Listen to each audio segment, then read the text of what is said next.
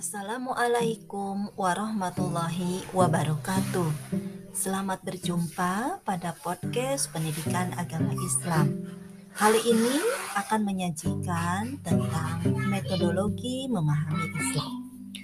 Perlu dipahami bahwa perilaku keberagamaan seseorang sangat dipengaruhi oleh pemahamannya tentang agama tersebut dan pemahamannya sangat berkaitan dengan metodologi yang digunakan.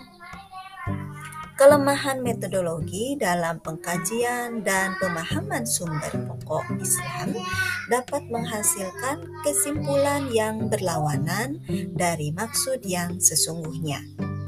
Ketika sumber-sumber pokok Islam, yaitu Al-Quran dan hadis, dikaji oleh para ulama yang memiliki keahlian dan syarat yang memadai untuk mengkajinya, baik dari segi konten maupun metodologi, maka perbedaan pemahaman yang timbul justru membuktikan kekayaan, keluasan, dan fleksibilitas ajaran Islam.